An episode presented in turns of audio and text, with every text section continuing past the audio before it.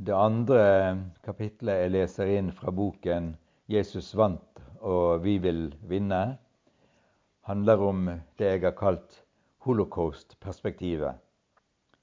Det er et perspektiv i Det gamle testamentet som strekker seg opp til vår egen tid, som kan kaste lys over hvordan slangen angriper Evas ett som kollektiv, og hvordan Evas ett knuser slangens hode jf. altså syndefallsberetningen og proteevangeliet i Første Mosebok 3.15. Det forteller at slangen er ute etter å ramme Evas ett fordi den er Guds utvalgte folk. Dette folket på sin side kan ikke knuse slangens hode i sin egen makt, men bare ved Guds hjelp.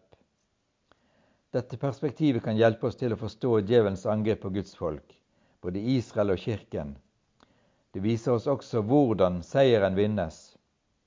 Det følgende vil vise noen vesentlige prinsipper. Ta gjerne tid til å reflektere over hvordan disse prinsippene er aktuelle i dag, både med hensyn til jødene og Israel og med hensyn til Kirken. Det første er holocaust. Det første forsøket på å utsette Guds folk Israel er beskrevet i andre Mosebok. Egypts farao ser med bekymring på at israelittene blir mange. Han frykter deres store antall og den makten de får gjennom det. Hvordan skal han begrense dem? Det han iverksetter, vil ha ført til utslettelse av Israels folk i løpet av kort tid. Farao har satt seg i noe forre. Det er inspirert av den onde, djevelen. Farao blir så besatt av tanken at ingenting får stanse ham. Selv ikke alle de mektige tegnene Gud gjør det når Moses stanser ham. Hjertet blir hardere og hardere. Han burde se at Israels gud er sterkere enn Egypts guder, men han er så bundet i sitt opprør mot Israels gud at han ikke lenger ser omvendelsens mulighet. Da han endelig lar Israels folk dra under ledelse av Moses, tar det ikke lang tid før han på nytt lar ondskap fylle hjertet. Det som driver ham, er å kunne se at Guds folk blir utryddet. Egypts, Egypts guder skal seire, Israels gud skal lide nederlag. Da Israel står ved Sivsjøen, er de fylt av skrekk. Foran dem er sjøen og havet, bak dem er faraos store hær. Dødsrikets krefter omgir dem, men det er da Gud griper inn. Han er den allmektige Gud. Gud frelser sitt folk, og han dømmer eller knuser fienden. Dette er vel en god illustrasjon på at slangen hogger kvinnens ett, Israel, i hælen, men kvinnens ett knuser slangens hode. Til minne om denne hendelsen feirer Israel og jødene hvert år påske.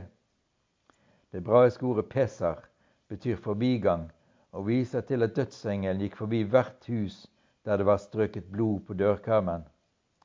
Det i seg selv var en frelseshandling fra Gud. Men den hadde ikke blitt husket og feires hvis det ikke var for redningen gjennom Rødehavet. Hele Egypts hær omkom, men hele Israels folk ble reddet.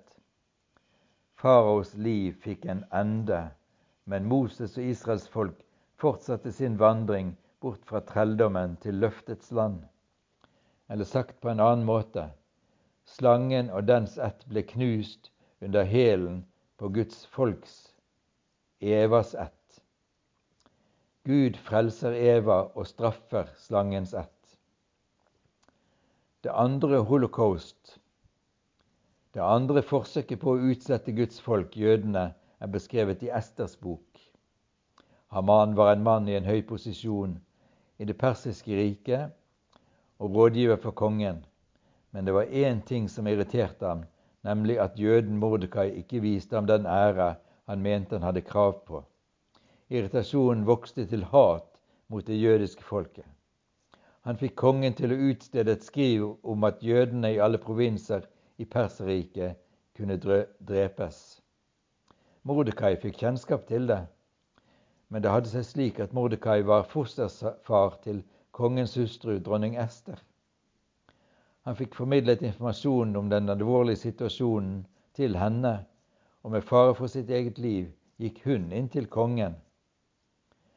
Haman fortsatte arbeidet med sin onde plan, men han skulle ikke lykkes. I stedet for å se Mordekai hengt på en stake som Haman hadde reist, ble Haman selv hengt på den. Og i stedet for å se jødene angrepet og utryddet i provinsene, måtte kongen se at det var jødene som seiret. Sagt på en annen måte, slangen representert ved Haman ble knust under hælen av Eva, Evas ett, det jødiske folk. Det var så nært et nytt holocaust på det jødiske folket som det gikk an. Men Gud reddet sitt folk. Til minne om dette feirer jødene purim hvert eneste år. Det er en stor gledesfest. Gud frelser Evas ett og straffer slangens ett.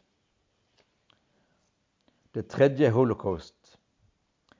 Det tredje forsøket på å utsette det jødiske folket er beskrevet i Makkabea-bøkene og nevnt i Daniels bok. Den syriske kongen Antiokus den fjerde Epifanes var sterk tilhenger av hellenismen. Han tilba guden Sevs. Hans mål var å tvinge alle rikene som var under hans herrevelde, til å akseptere helenistisk ideologi og religion. Det var imidlertid ett folk som standhaftig sto imot jødene. Antiokus bestemte seg derfor for at hvis han ikke kunne få dem til å bøye seg ved tvang, så skulle de utryddes. Han profanerte tempelet i Jerusalem. I stedet for tilbedelse av Israels gud satte han opp bilde av guden Sevs. Han ofret også griser i tempelet for riktig å vise vanære overfor jødisk tro. Men akkurat idet han skulle til å utføre sitt holocaust mot de jøder som ikke hadde villet bøye seg for ham, skjedde noe som tvang ham bort. Gud reiste opp noen djerve krigere blant det jødiske folket, og jødene vant og overlevde. Dette er eksempel på både forsøk på forførelse først, og dernest forfølgelse når de ikke ville bøye seg. Til minne om eh, dette feirer jødene hanukka, lysfesten. Det er en seiersfest i takknemlighet for Guds frelse. Sagt på en annen måte slangens redskap, Antiokus den fjerde epifenes, som hadde hogd jødene Evas ett i hælen, ble selv knust under hælen til Evas ett. Gud frelser Evas ett, men straffer slangens ett.